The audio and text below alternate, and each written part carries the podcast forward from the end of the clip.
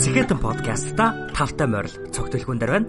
Агуу их зоригтой, зоригтой хүрх, зоригтой, алдаршгүй зүг чигтэй, зүгэлсэндээ өрх цэцгэлтэй Сэхэтэн танд зориулж байна. Тэр өдрөө 7 хоног бүтээдэг 7 хоногод сараг тэгээ жилиг тэгээ эцэстээ намайг бүтээдэг учраас амьдралыг бүр ахиж эхлүүлэх боломжийг олгож байгаа байхгүй юу? Бүр энийг бүр ашигла. Яаж игээл өөртөө цаг гаргах хэрэгтэй. Шин санаа, шин шийдлийг, шин гарцыг арай өөр санааг хөшүүл. Өчигдрийн түүхээр өнөөдрийн татай холбогдож маргаашийн таныг хамтдаа бүтээцгээе.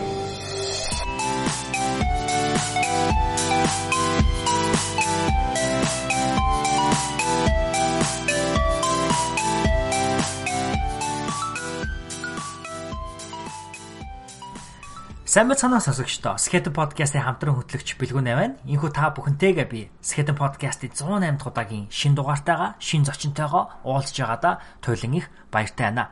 Энэ удаагийн дугаарын хүндэт зочин бол Ариун Чулан овогтой төвшин төр. Та бүхэн түүнийг уран бүтээлч нэр болох Тадисаар мөн эсвэл түүний урлан бүтээдэг Tog Network-ийн Almas Daily Life comic-оор мэднэ гэдэгт би итгэлтэй байна. Төвшин төр бит хоёр энэ удаагийн дугаартаа түүний амьдралын 3 өөр үеэ аялсан амьдралын нь хамгийн хэцүү буюу тэнцлийн үед түүний хамгийн том бодит бэрхшээл нь статистикаас харахад өвчлсөн 10 хүн дотмынхаа 7 нь харамсалтайгаар насвардаг өвчнийг даван туулах байсан. Гисэн хэдиж тэрээр хэлэхдээ түүний тэнцэж байсан дайсан нь энэ цаг үед өвчин биш өөрөө байсан аж. 22 настай залуу Сэхэтэн маань 2 жил нийгмээс өөрийгөө тусгаарлаж амьдралынхаа 3 жилиг дээсэн ч гэсэндэ тэрхүү тэнцлийн үе нь өөрийгөө хамгийн ихээр нээсэн цаг хугацаанд байсан ажээ. Энэ удаагийн дугаар нь сонсогч танд өөрийн биеэр туулаагүйч ойлгож мэдрэх ёстой ухаарлыг өгсөн амьдралын үн цэнийг мэдрэх товч дүд замыг олгосон дугаар байх болно. Ингээд хэдүүлээ хамтдаа төвшин төрийн амьдралын үеүдэр аялсан дугаар руугаа үсэрцгээе.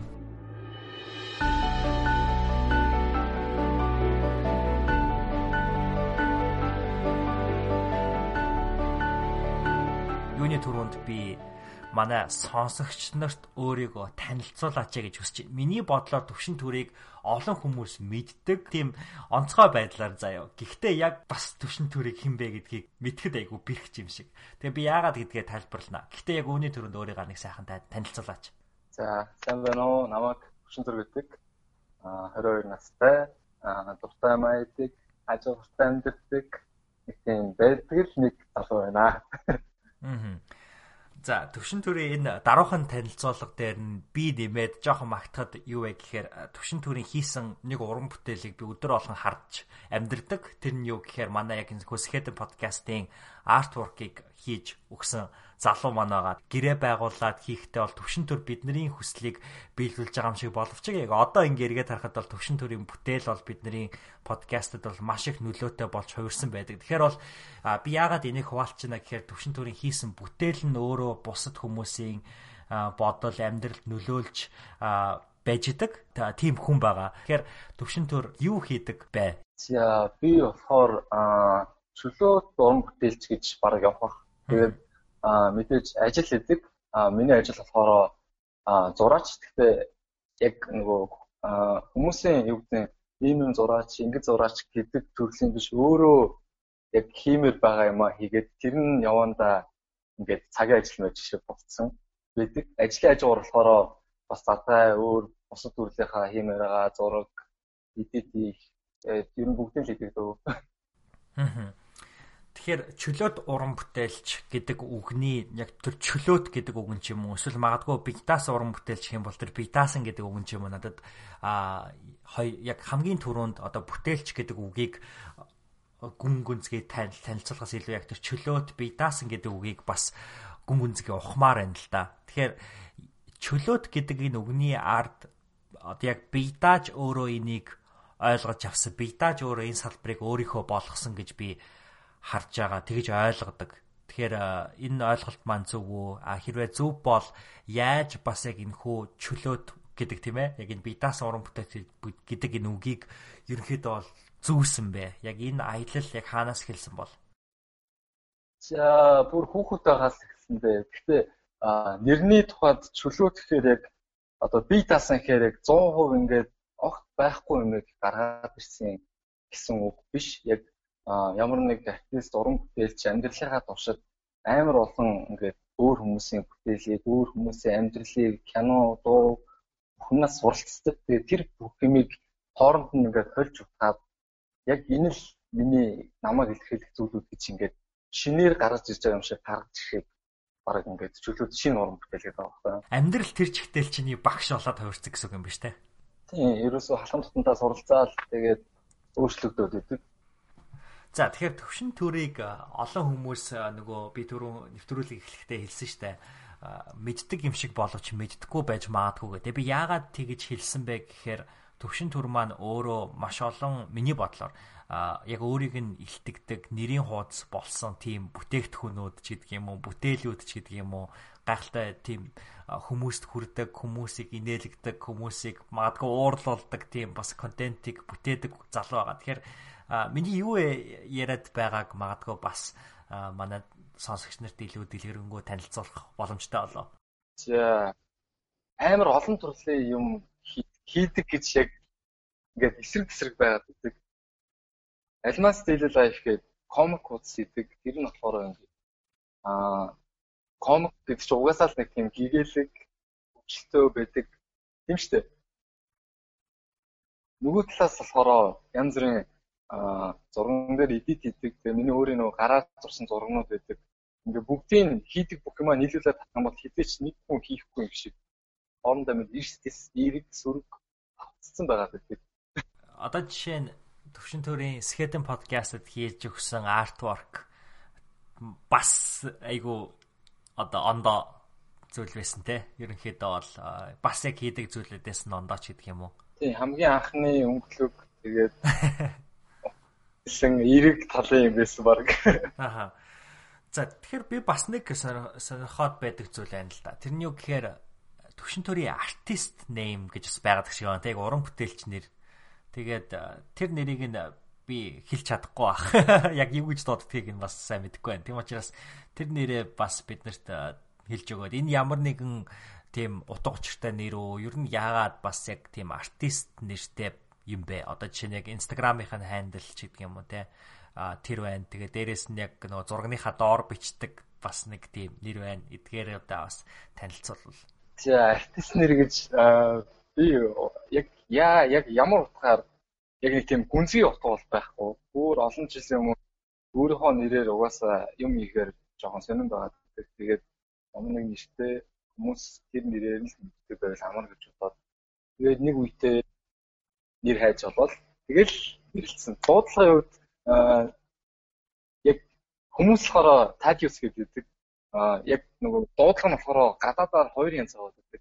Tadius гэдэг нэг зөөлхөн нөгөөт нь болохоор бүр амар хатуугаад Tadius гэдэг хүмүүс өөрсдөө мэдээл дуудчихсан дөө. Чи яг өөрөө нь дууддیں۔ Өөрөө Tadius гэдэг. Аха. Одоо би бас яагаад энийг сонирхоод байна гэхээр зөв энэ миний нэг дуртай сэдвүүд нэг багхгүй юу. Гэтэ энэ чиний бас сонирхдаг сэдвч гэдэг юм уу эсвэл магадгүй өөрөө мэдээгүй ч гэсэн сонирхдаг сэдвч ээж байд магадгүй лээ. Зүгээр яагаад би ингэж сууд нэхэр нөгөө зарим хүмүүс ингээд өөртөө а одоо альтер эго ч гэдэг юм уу тим зүйлийг өгдөг штэ ингээ өөрийнхөө өөр өөр зан чанаруудыг гаргаж ирдэг. Тэгээд одоо надад бол жишээ нь яг тийм зүйл би яг нөгөө багасаа за одоо би яг тэр болчлоо гэл багийнхаа багтаа итгэдэг байсан. Тэгээд тэр маань ингээ явсаар хагаад том болсон хань ч гэсэндээ надад ийм олон зан чанар байдаг. Тэгээд зан чанар болгоно нэрлэх гээд байдаг. Баггүй юу? Нэг тийм одоо сонирхолтой ч гэдэг юм уу, ийм хоббитэй ч гэдэг юм уу мэдгүй. Иймэрхүү зүйл чанд байдаг. Одоо жишээ нь чи яг Tadius болохоор арай өөр төвшин төрийн хувилбар болцдог ч юм уу те. Тийм зүйл байдаг болов. Ер нь ер нь бол яг яг тэгдэг. Яг тэгдэг. Тийм үү. Бүр анх нөгөө зургуудаа зурж байхдаа ингээд калибр мэлүүд бичгтээ өөрөө бичиж байгаа юм шиг биш ингээд Tadius ингэж боддог. Tadius ихээрээ ингээд хоёр дахь нөгөө төлөөний үгээр яриад байсан. Тэгээд миний хувьд би ихээс илүүтэй баг миний ингээд анхандаа байхыг хүсдэг байсан хүн байсан. Одоо болохоор тэр хүн шигээ баг болцсон юм шиг санагдаад өөр хүн. Одоо тэгвэл чи яг энэ өөр хүнтэйгээ тэрсэлдэх үе байдаг уу? Эсвэл байсан уу? Ерөөсөө байн тасалдаг шүү дээ. Аха. Тийм. Яг тэр хүн болохоор хаяа бүх ямар нэг одоо асуудал гарч ирэх нийгэмд ямар нэг юм гарч ирэхэд хамгийн сөрөг талын хавдаг. Аа. Би болохоор заавал ингэж ингээд муу талын хүмүүс ойлгуулж хаар зүгээр хоёулын хийх таа гэж хүсдэг. Тэгээд тэр хүн болохоор ингээд юу гэдэг одоо чинь зураг зураа сууж хахад хамгийн бараа өнгөийг гიშгэлхаад яриад байдаг. Ааха. Би болохоор ингээд яг нүдэрээ ингээд хахаар арай л жоохон бараа юм уу гэхээр нөгөө хадис нь болохоор ингээд яг ингээд өөр эсрэг эсрэгсээ яг би юм уу гэхээр би яг өөрөө тийм жоохон дарк байх дургу болно. Аа. Тэгээд олон жилийн дунджаар ер нь бол басан дөө хоорондоо тэгээд тэжгүй байна. Аха. За одоо ингээд магадгүй бас ерөөсөө энэ сэдвийн тухай сонсож байгаагүй хүн чи тарих сонсон бол ямар амар юм ярьдаг хоёр байдаг яа тэ. Чи одоо мэдрэл хоёр уу гэж баг бодохоор гэж бодгоо. Тэгэхээр би зүгээр энэ дээр нэг ганц бас мэдээлэл чанартай юм нэмж хэлэх нь зүйтэй ах. Би яг яг энэ сэдвийг нэг амар биш. Гэхдээ ер нь бол ингээд хаяада сонирхоо судалж исэн, уншиж исэн, сонсч исэн баггүй подкастуудаар. Тэгээд энэ бол амар эрүүл гэж хэлээ. Тэгээд ялангуяа харин ч бүр одоо нөгөө өндөр бүтээмжтэй болохын тулд те хүмүүс гараас нь юм гарахгүй байх үед ч гэдэг юм уу амьдралтаа ингээ гатсан үе гарч ирдэг ч гэдэг юм уу те тийм үед өөрөө өөртөө итгэж чадахгүй байгаа үед хүний одоо оюун ухаан тийм одоо өөр өөр өөрийгөө гаргаж ирээд яг тэрийг хувирч одоо тэр дүрдээ орж амьдралаа дараагийнхаа шатанд авчрах авчирдаг ч гэдэг юм уу те. Тэгэхээр энэ бол амар тийм эрүүл үзэгдэл гэж лаа. Тэгээ бас нэг нөгөө талаас харах юм бол айгүй төсөөлөл өндөртэй хүмүүс, бүтээлч хүмүүс бол бас ингэж өөрийнхөө өөр одоо гаргаж ирэхээс айгаад байдаг ч гэдэг юм уу те. Эсвэл магадгүй доош нь дараад идэх тэр зан чанараа гаргаж ирж тэрийг илүү нөгөө бит болгох юм гэдэг юм байлаа. А тэгэхээр энэ бол амар эрүүл зүйл юм байл байдаг юм байна байна лаа шүү. Тэгээд гэдгийг бас энэ чинь хэлхэн зүйтэй. А төвшин төрөөс би асуухыг хүсэж байгаа. За тэгвэл яг энэ өөр хүн чинь ер нь яг хизээ төрсөн. Яг хизээ чи гаргаж ирж оо надад ийм зүйл байд юм байна штэ. Ийм өөр хүн байд юм байна штэ гэж яг хизээ олж авсан бэ. Яг сая шиний хэлсэн штэ. Яг яг яг таарч юм л та. Яг намайг хамгийн хэцүү үед хүнд өвдөж байхад ингээд ганцаараа амирх цаг усаг өнгөрүүлж хахад би гаргаж ирсэн юм шиг байна. Өөрөө баг одоо л мэдчихэв. Тэр үед л хамгийн анх ингээд дотгошоогоо ороод ингээд ийм нэртэй болоод сургаа зураад хүмүүс хийгээд эхэлжсэн. Тэгэхээр яг хэцүү үед л гарч ирдэг баа.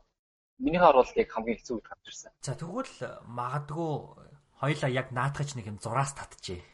Чиний яг түрүүн хэлсэн үг үгийг хэрэглээд хэцүү үе гэдэг одоо нэг үеийг хоёлаа зүгээр зураас татжээ те.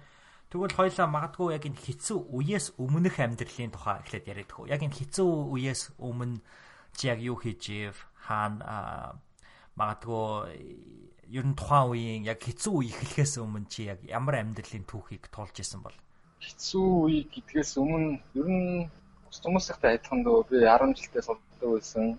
Тэгээд дугуулаад ажил төгссөн, дугуул их сургуульд орсон, анаах сурдаг байсан. Тэгээд дүндээ санаа зовдөг. Аа нөө бус хүмүүсийн адилаар тэгээд ямар эмхтэнтэй үерх үү? Над мөнгө байгаа илүү. Ингээд яг ингээд боддог юмудаа бодоод явдаг. Яг л адил. За, ангаахт тэгэхээр ч одоо хэдэн онд хэдээс хэдэн онд сурч исэн гэсэн үг үү? 15-аас 16 2 жил сурсан. Аха.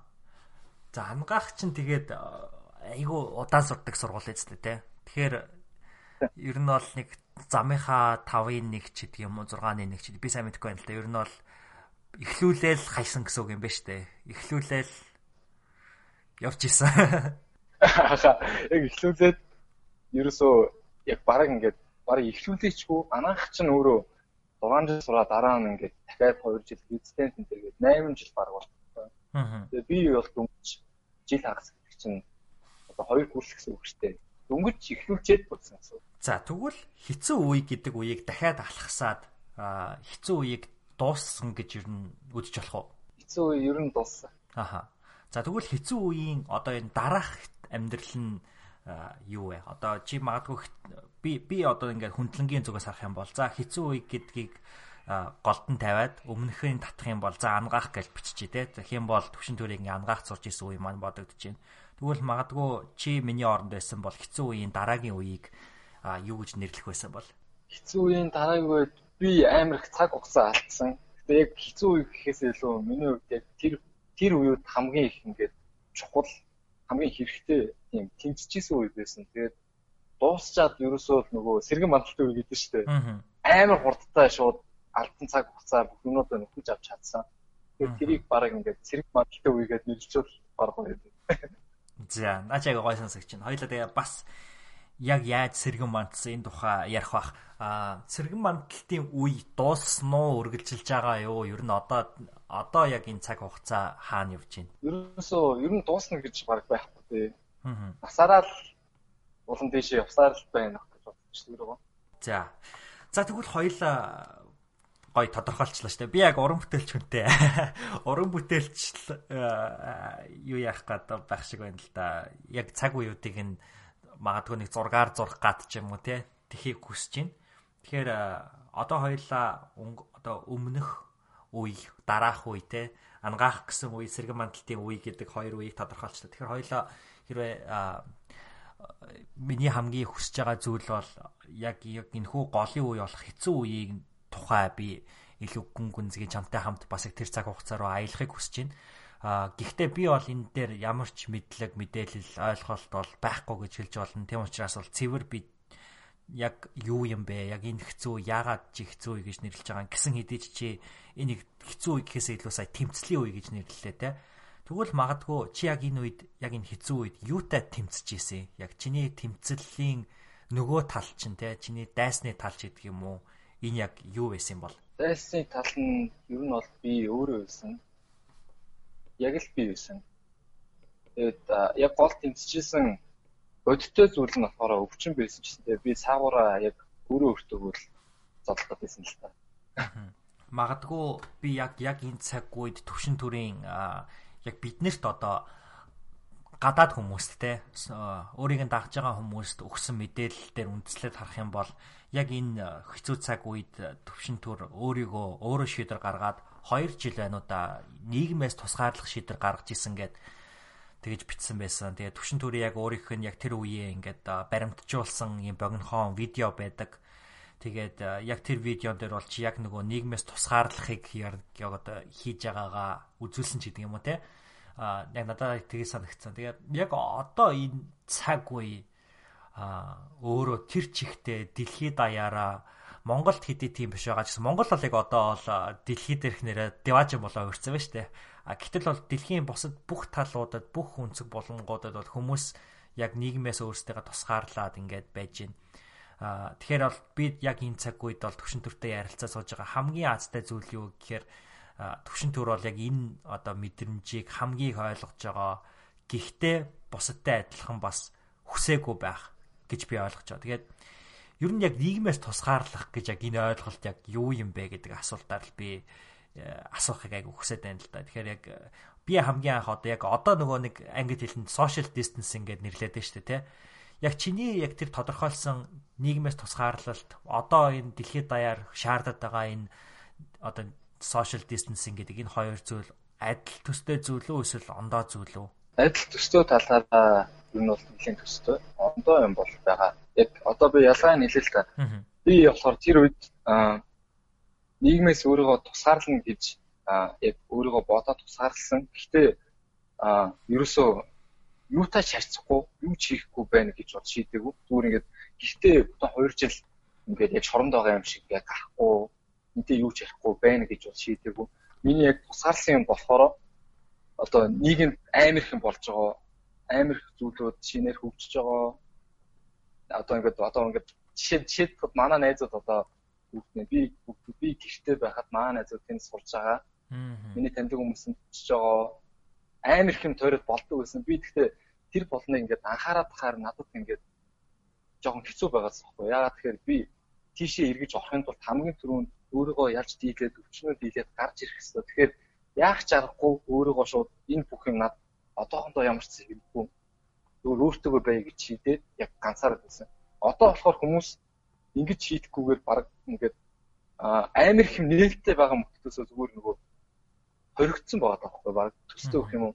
Хүмүүс өөрсдөө бол хүссэндээ үнтэй уцаар яриад видео картаад ингээд хоорондоо харьцаж чадаад байдаг.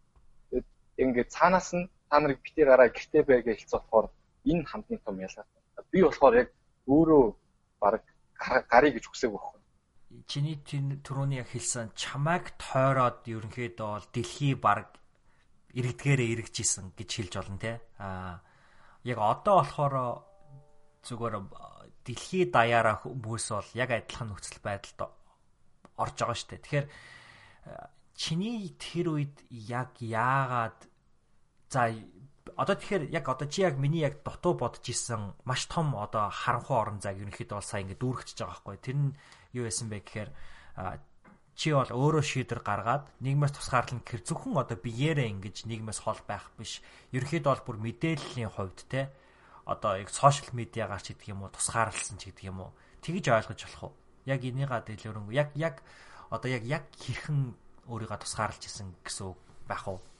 Хамгийн түрүүнд би ерөөсөө яг хийс алхмуудад нэрлэх бол хамгийн түрүүнд би сургуулаасаа шууд гарцгаа. Аа. Бүр ерөөсөө гарна гэж сургуулаа эцэн тэр үед нөгөө хамгийн том зорилго юм ч болох. Тэгээ ингээд боловсралтай болох байсан. Тэрийг хамгийн хайцсан. Тэгээд оюутан найзууд, тэгээд найзууд ерөөсө бүгднгээс нь харилцаагаа тасалдсан өөрөө. Аа. Тэгээд дараа нь болохоор угаасаа миний бейсэн газар ингээд Улаанбаатар хотоос хол жижигхэн суурин газар байсан. Бүр нөгөө сумч биш, баг байсан. Бүр өртөө жижигхэн. Тэгээд нөхцөлөө батсан яг ингээд биерэш тэр ингээд өөрөө гэдэг тойрсон байгаа хүмүүсээсээ ч юм уу бүгдээс холоцсон. Миний ганц нөгөө ашигладаг байсан чөлөөтэй үлдээсэн орон зай нь яг сошиал медиа биш нөгөө яг миний өөрийн зүгээр нэг үүсгэсэн хуудас байсан. Тэр чинь болохоор би зөвхөн зовсон зураг хийдэг, яв юу мэдэрч байгаа илэрхийлдэг. Тэгээд яг тийм зорилгоор ашигладаг байсан. Өөрийгөө бол ингээд гадагшаага бол жоох ингээд цацах маягтай ийм юм байгаа гэдгээ одоо бичлэг хийдэг, өөрөөртөө ярьдаг, ингээд юмнуудаа хийдэг. Гэхдээ наашаа ингээд орж ирэх юмнуудаа ерөөд бол хаацсан. Жохон муухай зангаад найзуудаасаа ингээс болсон гэсэн үг. Мэдээж нь хамгийн багаан найзууд байсан л та.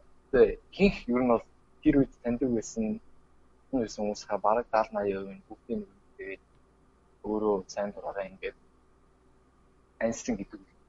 Аа. Ер нь бол орох урсгалыг хаагаад гарах урсгалыг үлдээсэн. Гисэн хідээч чи бас нөгөө гарах урсгал дээр болохоор төвшин төр гэдэг тамгыг тавих биш өөрийнхөө артист неймийн тамгыг тавиад гараадсэн гэсэн үг юм ба штэ тий. Тэгэхээр одоо би ингээл хитрхи бүр ингээд давж сэтгээд ч гэдэг юм уу давж сэтгэнэг нь болохоор одоо ингээд хитрхи ургуулж бодоод тий байж магадгүй л дээ. Гэхдээ биний ингээд одоо ингээд ойлгож байгаагаар өө тэгвэл төвшин төр бол гараагүй.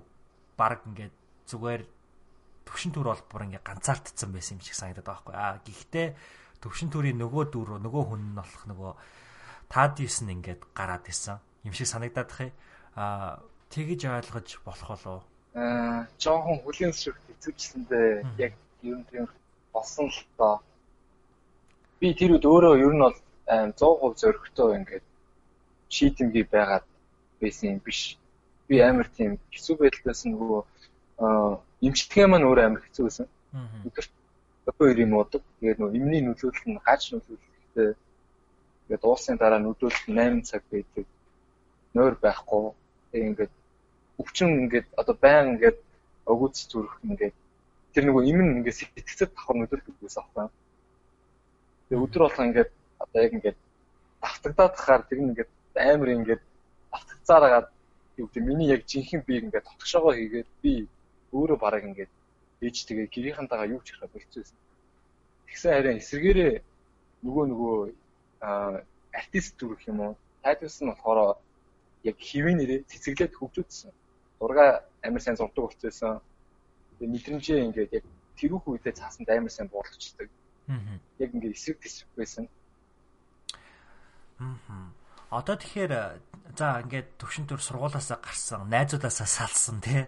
Аа Тэгээд орж ирэх урсгалыг ерөнхийдөө бол хаасан. А гэхдээ төвшин төрийн бас нэвтрүүлгийн ихэнд хэлжсэн нэг зүйл нь амьдрал бол ингээд ер нь баг тэр чигтээ багш байсан гэж чи хэлсэн шүү дээ. Тиймэрхүү утгатай маш олон хүмүүсээс суралцаад ирсэн гэх. Тэгэхээр өөрөөр хэлбэл миний ойлгож байгаагаар чи тэр үед бас за хаанаас ямар мэдээлэл орж ирэх үү, ямар мэдээллийг олж сон одоо юу гэдгийг хүлээж авах уу гэдэг дээр чи өөрөө шийдвэр гаргаад магадгүй сошиал медиа ингээд эргүүлж байгаа бол чи тэр чинь нөгөө чамд өгж байгаа контент чинь ямар ч шүүлтүргүй цаанаас нь маа чи энийг үзэх гэсэн юмыг үзүүлж байгаа шүү дээ тий.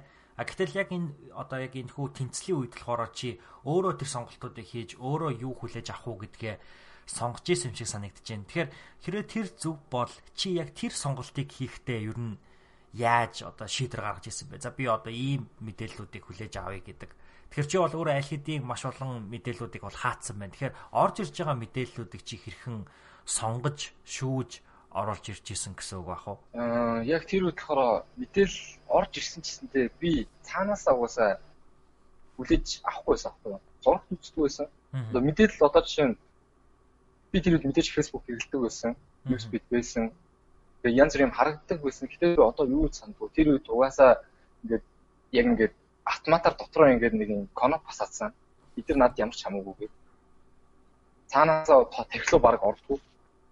Тэгээд хэрэгтэй юмнууд нь гэх юм бол зүгээр нөгөө яг ингээд үлдээсэн юмнууд орол хэрэгтэй гэсэн юмнууд болохоор өөрөө ингээд зорж уншаад тэгээ авчаад байгаа мөтлөөсөө хүмүүсийн хүсээгүй байхад орж исэн амар хэрэгцээгүй мэдээлэл яг ганц дэжгүй байсан юм нь орж ирсэн гэсэндээ би ерөөсөө тоод байсан. Наад тэрс хамаагүй. Тийм тэнхэлж байгаа. Тэгэхээр одоо чи яг тэр цаг үе рүү эргээд очивол ер нь хамгийн сэтгэл тод үлдсэн яг тэр үед чиний сэтгэл санаанд ч гэдэг юм уу чиний хэлээд байгаачлан сэтгцэд чинь магадгүй хамгийн том нөлөөг үзүүлсэн тийм контент мэдээлэл юу байсан бэ? Яг эргээд очихоор яг эргээд харахаар тэрийг л ер нь бол боддог. Аа контент мэдээлэл гэхээс илүүтэй би нөгөө тэр үед анх бясалгал гэж байдаг штэ. Бясалгын талаар техникүүдийг зүгээр уншиж исэн тэр тэрнээс тэр бол над миний амьдралд баг хамгийн их нөлөөлсөн. Би бол нь өөрөө атеист хүн ямар ч нөгөө а Иесус а удаа бүгдийг ингээд шууд эрс үүсгдэг хүн байсан ч гэсэнтэй нөгөө хүмүүс бяцлаглыг ингээд шашинтай холбоодог ус болоход би жоохон ингээд татгалзаад байдаг юм байна. Асны юм юм гэ тэ. Наад чи нөгөө буддистууд хийдэг юм ээ тэгээ. Яг өөрөө ингээд санамсруу байдлаар хүнээс сонсоод өөрөө ингээд судлаад үзсэн чинь шал өөр юм байсан. Тэр яг тэр хүний бичсэн контент ч гэсэнтэй яг үнэхээр амьдралд байсан юм болоход би контент гэж бол хэлэх Тэгэхээр яг тэр юм л яг бясалгалын үндсэн техник яаж нөлөөлдөг бид нар над хамгийн их нөлөөлсөн. Тэгэхээр чи яг тэр бясалгалын техник эдгээр зүйлийг а уншаад олж аваад ойлгоод тэр яг тэр ойлгохын тулд чи тэр өөрөө яг нөгөө хэрэгжүүлсэн гэсэн үг амьдрал та. Тийм. Бясалгалыг угаасаа яг хүн уншингуудлаа шууд бүх үнэхэр гоё юм байна. Одоо яг ингэ бол баг бэдгүү. Өөрөө хийж үздэг. Тэгээ нөгөө бясалгалын хамгийн том багш нь өөрөө хүн өөрөө байгаа. Олон удаагийн татамжтай өдөр болгон суугаад ингээд тотгошоогоороо төвлөрөөдөхөөр улам бүр яг өөрийнх нь хамгийн зөв гэсэн бодлууд нь хамгийн зөв хүн гарч ирээд өдөр болгон сайжраад яг яг юунаас ингэдэг юм мэдэхгүй. Гэхдээ төвлөрч суугаад ахсан улам бүр ингээд ирдэд идэг. Тэгвэл бясалгал гэж яг юу юм? яг яг юу болоод байгаа чи яг тэр үед ингээд суугаад Тэгээ яг юу хийгээд байдیں۔ За, бясал гэвэл одоо энгийн үний үнэ одоо зөв энгийн хүн жахаа хүн хингэлтэй зүгээр өөр хүмүүсийн нүдээр хахад бясал хийж байгаа хүнийг а зүгээр тайван сууж байгаа, амьсгалж байгаа, нүдэн энцэн байгаа хүн гэж харна. А арай жоохон нөгөө үнсгээр ойлгоод тэгэхээр нөгөө тэр нь амьсгалын төвшөнтэй одоо хүн өөрөө өөрийгөө автоматар унтуул өөрийгөө амрааж байна. Тэгээ бүр нөгөө техниктэй болсон хүмүүс нь янз бүрийн аргаар идэв өөрийгөө имжлэх зүгээр бодлоо хэвцэлээд нэг шин санаа оруулж ирэх гэдэг амар олон төрөл байгаа. Яг ийм юм бэлтгэл гэж хийх нь гэвэл би бол зүгээр юу ч бодохгүй цуугаар унтах гэж хэлэх байна. За тэгвэл би яг надад хамгийн анх бас бясалгал хийхэд тулгарч исэн нэг одоо асуудлаач гэдэг юм хуваалцъя. Тэгээд чи энэ дээр өөрийнхөө үзэл бодлыг хуваалцаач гэж хүсэж байна яг чиний хэлж байгаатай би бол амар санал нийлж байна. Бясалгал нөгөө ямар нэгэн шашинтай бид нар холбож ойлгодог. Тэгэхээр энэ бол өөрөө бясалгал бол нөгөө брендингийн асуудалтай те. Тэгэл бясалгал гэхээр нэг бол нэг тэгэл завил суугаад ч юм уу эсвэл нэг бол ингээл янз бүрийн нэг тийм сонин эргүүлдэг юм аваад гартаа эргүүлдэг ч юм уу эсвэл үнэт чулуу аваал те чулуунд бясалгаад байгаа мó ингээл янз бүрийн ингээл ондоонд хийгээл тэгэл ингээл магадгүй ерөөсөө бясалгал гэж мэдхгүй хүн харахад бол одоо юу хийгээд байгааг нь мэддэхгүй айгу сонин одоо би өөрөө хий гэх юм бол яаж хийхэж мэдхгүй айгу тийм брендингийн асуудалтай те.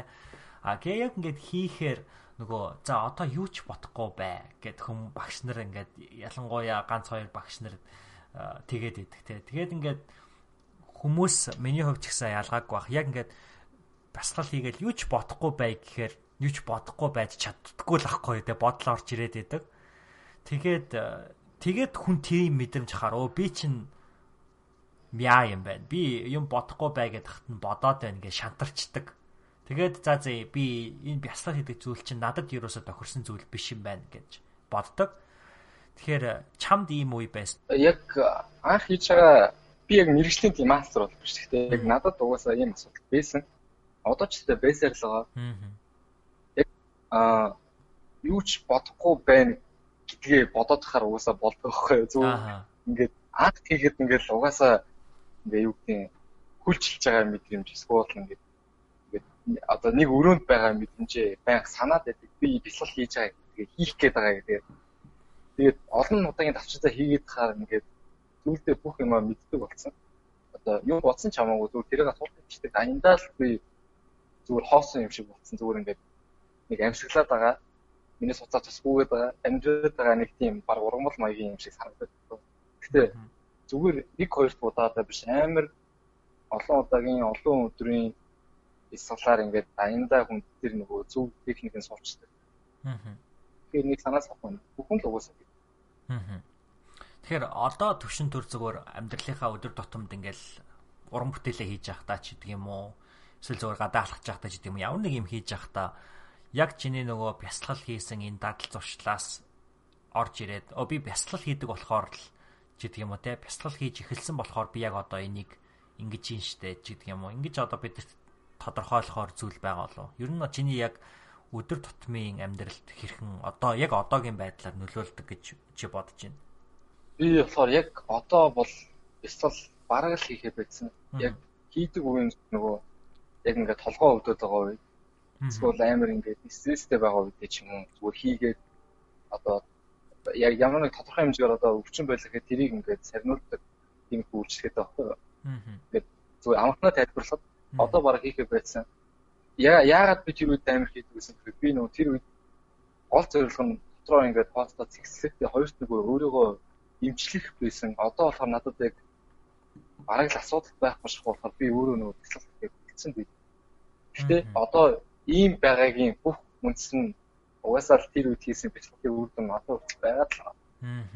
За тэгэхээр бяцлагалтай энэ баг шууд утгаараа холбогдохгүй байж магадгүй. Гэхдээ яг нөгөө хоёлаа тэмцлийн үе рүүгээ буцаад очиход э, ч гэдэг юм уу шууд бус утгаараа бясалгалтай холбож би асуухыг хүсэж байгаа зүйл нь бодол айгүй хуралддаг штэ тий ингээл юм бодогдоол. Тэгээд ялангуяа амар их юм бодогдоол стресстэй л зүгээр энгийн өдөр тутмын л стресс одоо бидний амьдралд болж байгаа. Яг энэ үед нөгөө амар амьдралд ингээ янз бүрийн болоод ах чинь бясалгал хийж суух хэцүү. А дээрэс нь магадгүй надад ийм үеуд амар хэдэг өөрийнхөө бодлоос амар цутмаар юм шиг санагдаад байдаг байхгүй. Яа би одоо ингээд яг өөрийнхөө бодлыг ачаад те одоо ингээд за би юу юу бодоод сууж ийн гэд ингээд өөрийгөө бодох юм бол амар ч юм шиг. Яа би чи ямар амар юм боддог новшээ гэ баг өөрийгөө загнамаар ч юм шиг те. Тэгэхээр хүн ингээд өөрийнхөө бодлоос амар цутмаар санагддаг. Тэгээд яг бясалгал хийхээр яг нөгөө бодолтойгоо л нүүр тулах шаардлага үүсээд байдаг байхгүй те өөр хин ч байхгүй. Нүдэн ан чинь хав харанхуу. Тэгэл өөрийн чинь бодол та хоёр л үлддэг. Тэгэхээр чамд ийм айдас төрж исэн? Яг анх ингээд бясалгал хийж байхад. Тийм, тиймэрхүү мэдрэмжүүд яг айц гэхээс илүүтэй би амар их тийм харамсал мэдэрсэн. Яг одоо чинь яг нэг саний ашиг татшгүй ингээ орохоор яг зөвхөн яг би болон би бит хоёр л үлдсэн шүү дээ. Аа. Тэр үе яг ингээд хамгийн нөгөө гоё хэсэг нь юу. Хамгийн зэмүү хэсэг гэх юм уу. Яг нөгөө кинон дээр байгаа юм шиг өөрөө өөртөө шууд ингээ нүүр тулаад уулзж байгаа юм шиг. Би юм бодонгууд л миний бодлын хариултыг миний бодол шууд өөрөө хийхэд өгчдөг. Тэгээ би өмнө яг яагаад хийв гэсэн бол би яагаад юм сони бодоод байгаа юм бол нэг хүний гомдоосон бол тэрийг бодонд бүгдийг эргэж санаад тэгээ дараагийнхаа яах ёстой вэ? Юу хийх ёстой вэ гэдэг бүгдийг хариулт санаасаа гараад ирэнгүүт шууд ингээд бараг ингээд үйлмэр юм санагддаг байхгүй. Аа бодосоо бол айж байгаагүй. Аа. Гэтэ амар харан шаналл мэдэрсэн. Үнэхтэй юм шиг. Тэ хамгийн төгсөлт нь тавьжирдаг. Ер нь хүн харамсахгүй амьдрах хэрэгтэй гэж хүмүүс хэлдэг штэ тэ айгу одоо нөгөө ухаантай хүмүүс маань тэ хүн ер нь бол харамсахгүй л амьдрах хэрэгтэй. Амьдралын төгсгөлд чи харамсч илээ үйл чи буруу амьдрсан гэсэн үг гэдэг. Тэгэхээр нэгэнт харамсгаар зүйл хийцэн хүн яах вэ? Нэгэнт харамсгаар зүйл хийцэн бол одоо одоо хүн хүн дээр ямар нэг харамсгаар зүйл хийсэн бол тэр хүнээсээ уучлахгүй байхлаа. Аа. Үнэхээр болохгүй мэдсэн, ухрааж чадахгүй мэдсэн бол тэгээд одоо яах вэ? Өөрийгөө уучлаад баг мартсан зүг шүү дээ. Тиймэрхүү харамсан бодлууд цаашдаа зүгээр нэг жижигхэн харамслаас илүү амар том болж өргөцсөөр байгаа бүр ингээд дотор хүнийг ингээ химлээд идэх би муу хүн юм байна гэдэг. Аа. Зүгээр мартсан дээр баха. Тэгэхээр харамсалтайгаа нүүр тулаад ирэхээр магадгүй бас шаналж эхлэн тэ.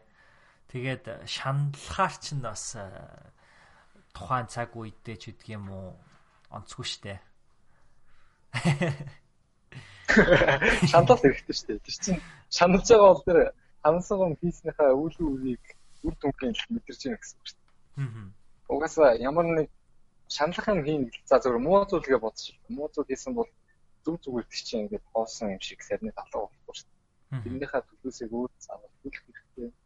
Төвшин төр сэргэн мандалтын үед очоод тэ гарч ирээд яг одоо хэцүү үеэр өнгөрөөгөө тэмцээд дууссны дараа хамгийн түрүүнд хийсэн алхам ч гэдэг юм уу юу байсан бол хэцүү үе хамгийн түрүүнд би имчилгээ дуусгасан.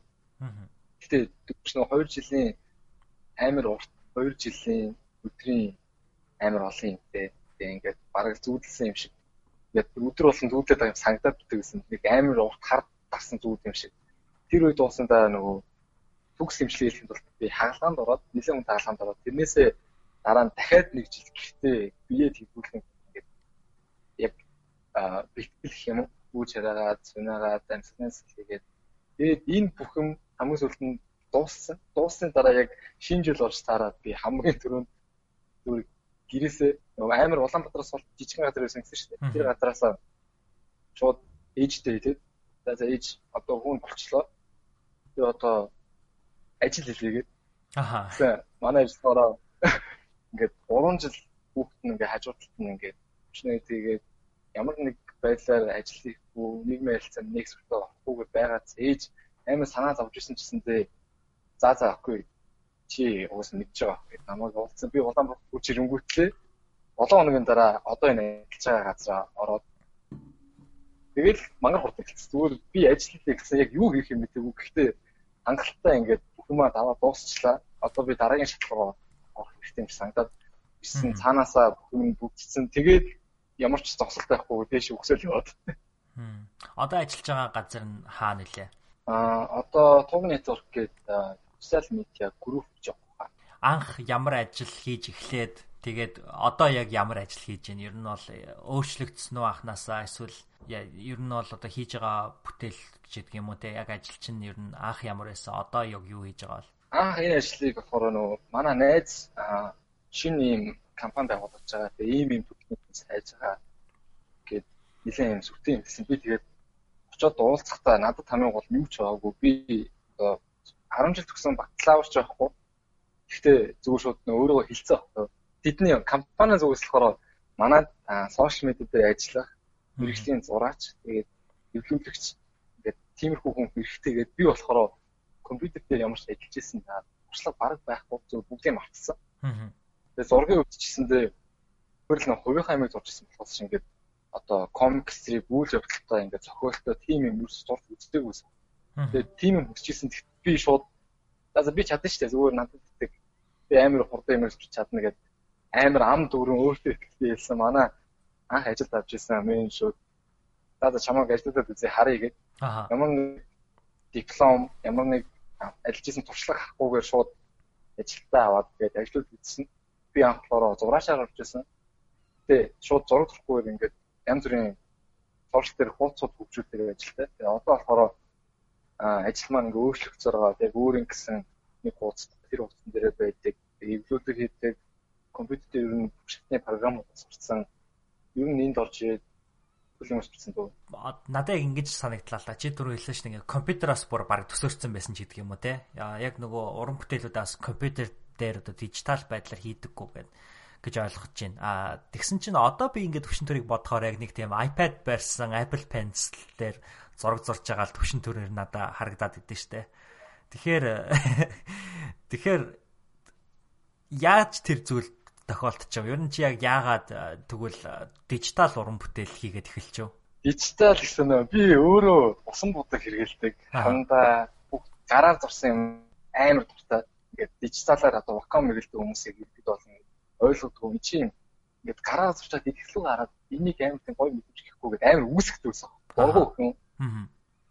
Тэгсэн ажлаас болохоор урт хугацааны турш үргэлжлэх комп хэрэгтэй гэдсэн болохоор би угаасаа насаараа ингээд гараар зурна гэж угаасаа бүхгүй юм байна. Ингээд ингээд гараад гэсэн чинь аль чинь бүх юм хөгжсөн iPad Apple Pencil гарцсан. Тэгээ би за за одоо ингээд цаг хугацааш өөрчлөгдөж байгаа юм. Би эдгэрсэн дээр юм байна гээд. Аха. Шууд зээл ангуутлаа гадаад нөгөө таньдаг байсан дураач найзсаа ингээд тийчнээсээ захиад шууд авчирсан байхгүй. Pencil iPad хоёр. Аха. Тэгээд анхдаа шууд зураал зураал баг авчирсан өдрөөсөө маргааш таасан зураал тэгээд баг ингээд шахуу өгөөртэй ямар цурах зардал байгаагүй. Нөгөө тэр ашиглаж байгаа аппликейшнээс мэдгүй. Тэгээд одоо яг ингээд гат орцсон баг ингээд надаас алахгүй. Аа. Одоо тэгээд төвшин төрийн нөгөө iPad-ны хэрэгцээ бол бүр ингээд тэлээд те тэгж ойлгоод байгаа шүү дээ. Ерөнхийдөө бол одоогийн байдлаар ямар уран бүтээл бас магадгүй одоо чи хуучин бол гараар зурдаг байж байгаа. Одоо дижитал болчлоо. Одоо ер нь дараагийн шат нь юу юм шиг санагддаг вэ? Дижитал болоод тэгэхээр яа харахгүй амар боломж цаг хугацаа гэд нэмэгдээд нөгөө амар скиллүүд нэмэгдэж олж ирдэг. Ганц зурдаг байсан ч одоо ингээд одоо анимашн дээр би нөгөө 2D frame by frame гэдэг нөгөө яг үндсэн уламжлалт анимашны төл гэдэг чинь frame frame За. Тим анимашн iPad-н дээр хийх боломжтой болсон. Тэрийг одоо өөрөө сураад урж ихтэй явж байгаа. Тэгээд iPad-н дээр Photoshop-оос илүү гарах хэмжээний тийм софтвертэй програм байдаг. Тинчэнэ хүмүүсийн зургийг эдэлж чинь яг ингээд жинхэнэ юм шиг харагдахаар текст бичиж болж чинь iPad дээр видео эдэлж чинь амар боломжууд гараад ирсэн одоо тэгвэл нэг ийм үг байдаг штэ. Аа Абрахам Линкольны хэлсэн үг гэж хэлүү дээ. Нөгөө хүн мод хэрвээ унгаах хэрэгтэй бол те 4 цаг билүү сүхээ ирэлж агаад 1 цаг л модоо цохиж унгаах хэрэгтэй гэд хэрвээ 5 цаг өгсөн бол 5 цагийн туршид зохиол авах юм бол магадгүй тэр мод нь унахгүй ч гэсэн үг юм да. Тэгэхээр яг нөгөө тэмцлийн үе өөрөө чиний яг тэр нөгөө сүхээ эрэлж исэн үе юм шиг надад санагдаад байгаа хгүй. Тэгээд хүн болгонд яг чам тохиолдсон шиг тийм тийм сүхээ эрлэх цаг хугацааг нийгэм бас цаанаас нь өгдөггүй юм шиг надад санагдаад байна л да. Тэгэхээр би бас ингэж хэлэх нь амар буруу байх надад ингэж хэлэхээс ирэх байхгүй бах. Гэхдээ бас нөгөөтэйгөр зүгээр зориглоод хэлэхэд бол амар азтай юм шиг те яг ингээд чамд сүхээ ирлэх амар цаг хугацаа олцсон учраас тэр нь өөрөө азтай ч юм шиг санагдаад байна. Тэгээд яг энэ сүхээ ирлэх энэ цаг хугацаанаас чи гарч ирчээд тэр сүхээ сүхээр хамгийн түрүүнд цогсон тэр мод ч гэдэг юм уу те хамгийн түрүүнд цохиж үзчихэд өө би чинь ийм зүйл гараасаа гаргадаг болцсон юм байна ч гэж бодсон ч гэдэг юм уу тийм бүтээл юу байсан бол яг гарч ирээл цохиол унгаасан чинь өөрөө ч мэдэхгүй чамаас маш их хүч чадал гараад ирсэн тэр мэдрэмж яг хизээ байсан бол яг яг ямар нэг бүтээл байгаагүй. Гэхдээ яг тийм мэдрэмжийг бол би авч ирсэн. Аха. Гэхдээ амар ингээд 2 3 жил байжснаа гинт Улаанбаатар дээр ажилд орсноо ингээд толгой дээрх амар сэрэг утсан. Бүх юмыг ингээд амар хурдан сураад байсан. Тэр ихний хэдэн сар над би яг бараг л ингээд супер буцаар санагдаад байна. Аха. Photoshop сураад, жугаар нөө Adobe видео эдитлдэг Тэгээ After Effects гэдэг бүгдийг сураад тэгэл ер нь бол хүссэн бүх юмаа сураадсан. Зургаачсандээ хажуугаар нь маш хурдан дижитал дээр ингээд хувьсаад яг тэр нь миний хамгийн яг том урам авч ирсэн хэсэг байна. Яг тийм нэг том бүтээл бүтээл гаргаагүй. Гэхдээ тийм 3 жил ингээд бэсний дараа яг сэтгэл зүйн хөв ингээд чадварын хувьд ч юм уу амар хаттай. Тийм хүсэл юм уу хүчтэй болсон тэр мэдрэмжээ өөрөө авч ирсэн болохоор супер өөртөө ихтэй ямар ч стресс авахгүй тийм аз жаргалтай байсан. Тэр нь л хамгийн гоё хэсэг. Аа. Тэгэхээр одоо одоо ингээд төгшин төрийн яриаг ингээд сонсохоор яа нөгөө нэг э, юу бодогдоод идэв штэ хүмүүс нэг Юсайн Болтын хэлсөг байдаг штэ ингээд миний ингээд гадаг одоо ингээд юун дээр талбар дээр талбай дээр гараад гүйж байгаа энэ одоо хурдан гүйлтийн ард бол маш их хүлс тийм ээ хэдэн жилийн зов зовлон байгаа гэх. Тэгээ яг э, нөгөө хүмүүсийн хэлдэг нэг шөнийн амжилт гэдэг шүү. Тэгэхээр ингээд төвшин төр ингээ харахаар одоо бол ингээл одоо ер нь бол миний бодлоор төвшин төрийн хийж байгаа контентуудыг хоёул яг энэ тэр тэр гэд нэрлэхгүй байгаа ч гэсэндээ Монголын маш олон залуучууд бүгдөө хартсан бүгдөө юу гэдгийг мэдж байгаа ийм болцсон байна. Тэгэхээр ингээ яг төвшөнд энэ энэ бүтээлчийн арт одоо энэ бүтээлүүдийн арт байгаа бүтээл чинь өөрөө ингээ гинт амжилтанд хүрсэн юм шиг харагдаж байгаа боловч маш их одоо бэлтгэл цаана нь байсан юм шиг надад санагч. Тийм учраас чам тэрэнд чинь би зүгээр асуулт биш зүгээр баяр хүрхийг амар хүсэж байна. Яг миний асуулт нь харин юу вэ гэхээр өөртөө итгэлгүй байх чамд тийм цаг хугацаа байгаагүй мó. Одоо би чинь 3 жил нийгмээс тусгаа тусдаа байсан. Тэ одоо энэ надтай хамт ажиллаж байгаа миний үеийн залуучууд сургуулаа төгсөөд эхэлсэн байна. Зарим нь аав ээж болцсон байна, тэ. Тэгэхээр чи бол түрүү хэллээ шүү дээ. Чамаа гараад ирэхэд iPad гараад ирсэн байсан те. Чи тэрийг одоо нөгөө мэдэж амжаагүй ч хийсэн юм гэдэг юм уу те. Тэгэхээр бол ертөнц дэлхий аль хэдийн чамаас төрүүлээд хөдөлсөн, чамаас төрүүлээд явцсан ийм байсан мэтэ. Би бол чиний өөрийнхөө өөрийгөө чиний оронд байсан бол төсөөлж чадхааргүй байна л да. Тэгэхээр өөрөө өөртөө итгэхгүй байхаар үе байгаагүй гэж юу? Яг гарч ирчээд. Яг гарч ирэхэд тийм мэдрэмж байгаагүй угаасаа яаж байх вэ? Би одоо өөрөөртөө итгэхээр би хамгийн амар айдаг мэдрэмжээ давтсан одоо чинь миний хувьд үхэлээс авахгүй юу? Чин аа ингээд миний өвчсөн өвчнийг ингээд зүгээр статистик харахаар өвчсөн хүмүүсийн 70% бараг ингээд нэмшүүлж явах хугацаанд ойрын 4 5 жилдээ нас орчдөг. Тэгээд аа бичлэгээ ингээд бэдэг ч гэсэндээ маш хүнд болохоор нөгөө хөдөлмөрийн чадрын 90% адалт гэж явдаг групп хад үүсэн бэ. Аа. Тэгээд нэгт тим шатад авсан, имчилгээний шатад авсан. Дараа нь хаалгаанд орсон. Тэнд миний бүр нэг талын бүтэн ушиг аваа яцсан. Аа. Тэгээд тэрийг бас аваад гарцсан. Би ингээд нэг талд нь аяа өрөө чадахгүй дурхай гахтаа ингээд нэг тал нь ингээд бараг л ингээд ажиллаагүй юм шиг болсон. Тэгээд тийм амар том би тэр үед ингээд яг ингээд хөл гэдэг юм яг ингээд ер нь бол амар хажууд яг ойрхон бэдэн юм байна гэдгийг мэдэрсэн байсан болохоор ингээд тийм юм давсны дараа нэг жижигхэн юм гэдэг ингээд айц ч юм уу бараг байх бараг хагас галзуу байдалтай юм чиний яг энэ түүх бол зөвхөн чиний л түүх байна те би бол хизээч магадгүй ойлгохгүй би ойлгохыг хүсэж байгаа ч гэсэндээ яг хизээч бол үнэхээр 100% бас ойлгохгүй юм шиг надаа санагдаж байна тэгээд олон хүмүүс тэгж бодож байгаа. Одоо за тэгвэл төвшин төр эрүүл хөл дээрээ босч ирээд ингээ гараад ирэхэд тэгвэл нийгмийн дарамт чам дээр хэрэг байсан бэ? Одоо буцаад сургуультай яваач ч гэдэг юм уу те? Яагаад яг одоо хийж байгаа зүйлийг хийгээд байгаа ч гэдэг юм уу? Ийм нийгмийн дарамт байсан уу чамд ер нь? Аа дарамт бол байсан. Яг хамгийн хэцүү юм нь болохоор хүмүүс надад итгэхгүй байсан. Ойр дотны хүмүүс, найзууд Яагаад тэгэхээр би өмнө ингээд үзсэн, бүр ингээд доош орсон. Тэгээ ингээд тийм бэйжсэн болохоор тэр хүмүүс ингээд яг тэр байдалд нь дассан. Санаа зовоод байдгүйсэн. Аа. Шууд одоо ингээд ингээд чи жоохон ингээд жоохон ингээд боломжтой л да. Чи ингээд өмнө ингээд үзчихсэн. Одоо ингээд бие хайвал одоо зүгээр тайван зүгээр гэртээ амраа суужиж болдгоо мө гэдэг тиймэрхүү хандлагууд амар их байдгүйсэн. Аа.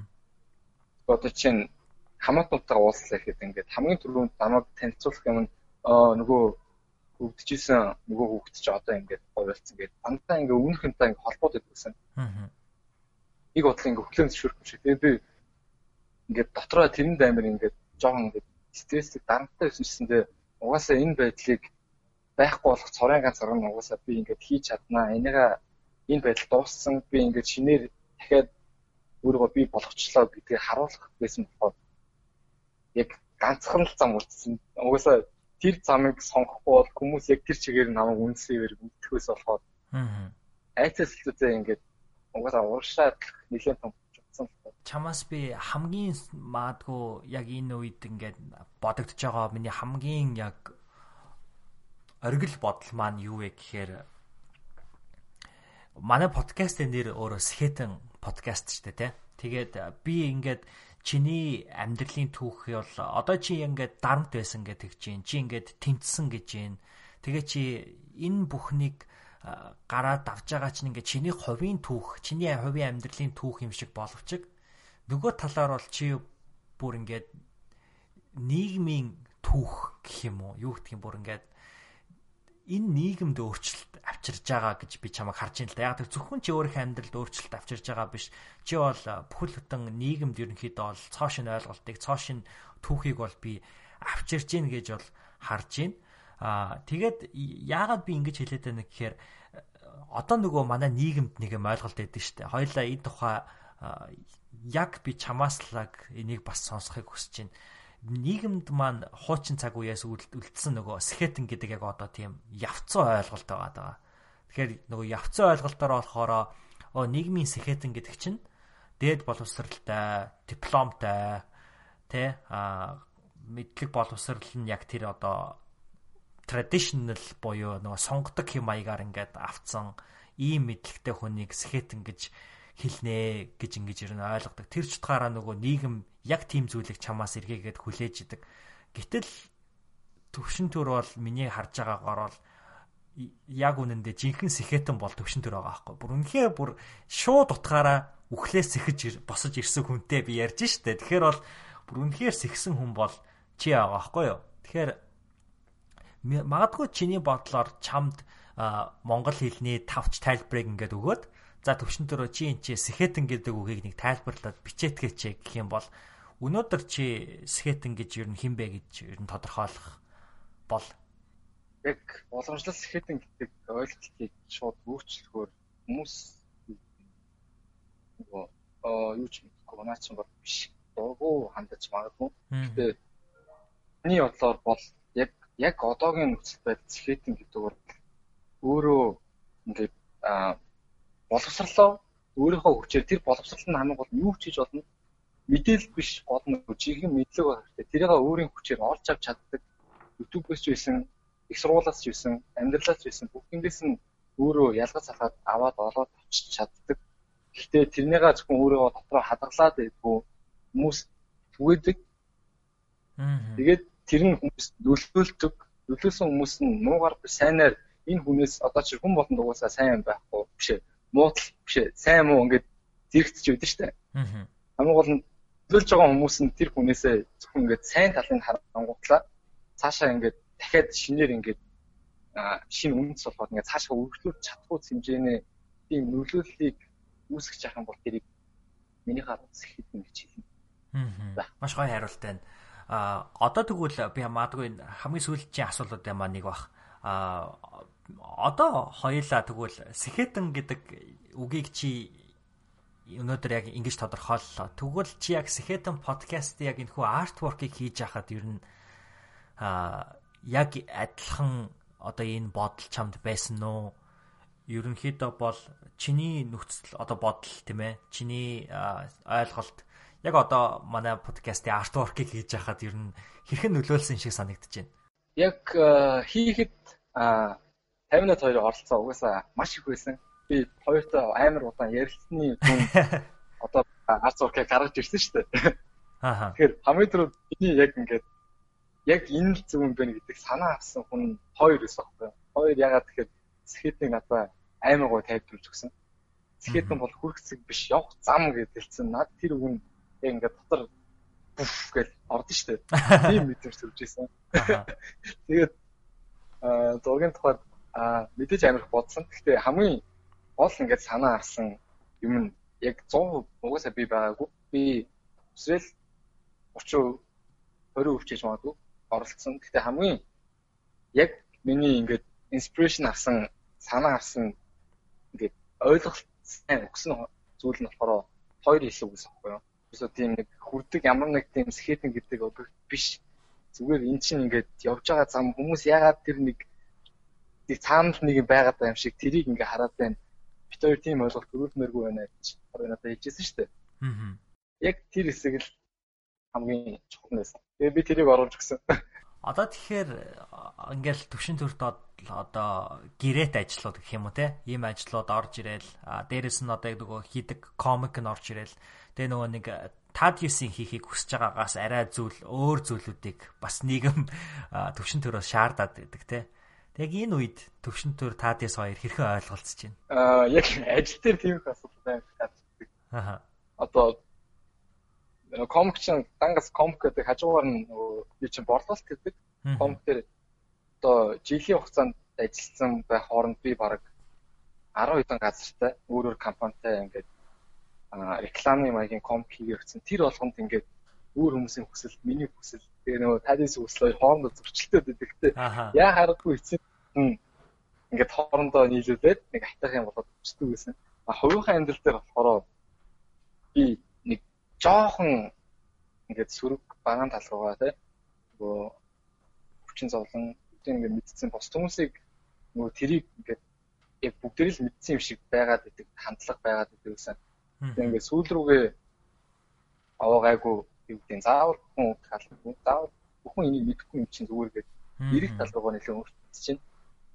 Хайдус болохоор яг тэр үед гарч ирсэн болохоор жоохон хатуу маягийн хүн байх гэдэг. Тэгээ би яг яг өөрийгөө л яриад надад аюу сонь санагдаад байна. Аа тэгээ угаасаа байнга төршилдөг хэдэж нэг дор болно гэж байхгүй. Аа. Тэгээ амьдр чинь дунд нь суралцж чинь хоорондоо ойлгоцоод дайггүй явчихна дөө. Аа.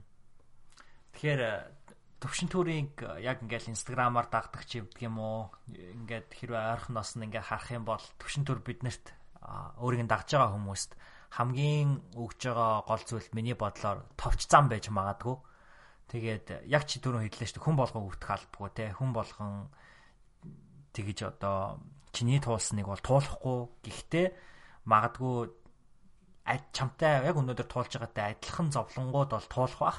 А гэхдээ тэр зовлонгуудыг хэрхэн давах уу гэдэг хэрхэн давсныхын цаана юу байдаг гэдэг нөгөө мэдлэг нь тийм ээ яг тэр ухаан нь ингээд чамд байгаад байдаг. Тэгэхээр бас яг тэр ухааныг олоход тусалдаг тэр товч замыг чамаас таадис хоёроос олж хардаг гэж би бодож байна л да. Тэгээ тэр ч утгаараа ер нь 50 бит хоёр хамгийн анх чам руу холбогдож исэн.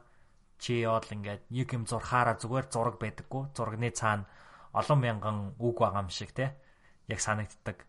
Тэгэхээр бол чиний хийж байгаа энэ бүх уран бүтээл бол хүмүүст маш их нөлөөлөл үзүүлж байгаа. Цаашдаа ч гэсэн бүр олон хүмүүс нөлөөлөх байх гэж би бодож байна. Тэгээд хийж байгаа зүйлээ хизээч битгий зогсоогоорой. Угаасаа зогсоохгүй гэдэг нь бол би 100% итгэлтэй байна.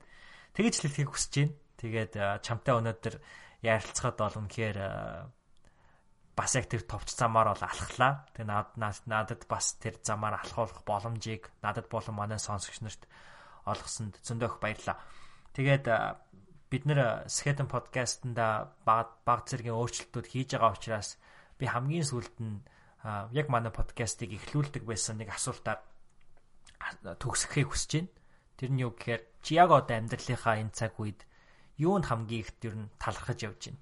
Хайрлах та. Яагаад гэвэл хайр л хүнийг авна шүү дээ. Яагаад яагаад тэгэхээр хайр. Хүн өөрийгөө хайрлна. Тэгээд ээж аавын хайр, найз зөвхөн хайр дээр хөдөлгөлдөг. Хэрвээ хайр ерөөсөө байхгүй зөвхөн амьд үзэл бичих юм бол чи яаж хөгжих юм тийм үстэй. Би миний угаасаа хамгийн баярлдаг юм ганц хайр л юм. Ээж хайр, өөрийгөө хайрлах хайр. Тэр бүхний үр дүнд би яг одоо би болсон. Тэгэхээр төвшнтөрөөс хүмүүс хайр хүртэхийн тулд төвшнтөрийг хэрхэн олгоо? Тамаагүй би хаасаа үүдэж дээ. Аха. За төвшин төрийн уран бүтээлүүдтэй өмнө нь хизээж танилцж байгаагүй хүн байвал инстаграмаар ч юм уу фейсбүүкээр ч юм уу ер нь хаашаа орж хин гэж хайвал чамтай танилцах боломжтой. За хамгийн түрүүнд инстаграм төлхөө үргэлжлэдэг төвшин TY гэдэг инстаграм байна. Төвшин тэгээд TY англи хоёр үсэг. Аа бүр нөгөө сая яриад байсан дэр Adios-ын анх үүссэн түүхийг харах юм бол Adios Artbook гэдэг Facebook дээр пэйж үүдэг. Тэгээ яг ингээд а миний хувийн комик ад явуулах юм бол Алмаз Зэлэл Life гэдэг комик утас байгаа. Эдгээрээс ерөнхийдөө намайг хахад ойлгож байгаа. Намайг олж болно. За тэгээд манай подкаст маань энэ хүрээд өндөрлөж байна. Бид нартай өнөөдөр хамт төвшин төр байлаа. Бүгдэнтэй хамт исэн сонс та бүхэндээ баярлалаа. Баяртай. Баярлалаа. Баярлалаа. Хүрээд Сэхэдэн подкастын маань 108 дахь дугаар өндөрлөж байна. Та бүхэнд маань энэ хүү удаагийн төвшин төртэй ярилцсан дугаар нэгийг бодогдуулсан, хоёрыг тунгаалгасан тийм нэг үнцэнтэй дугаар байсан гэдэгт би үнэхээр их итгэлтэй байна.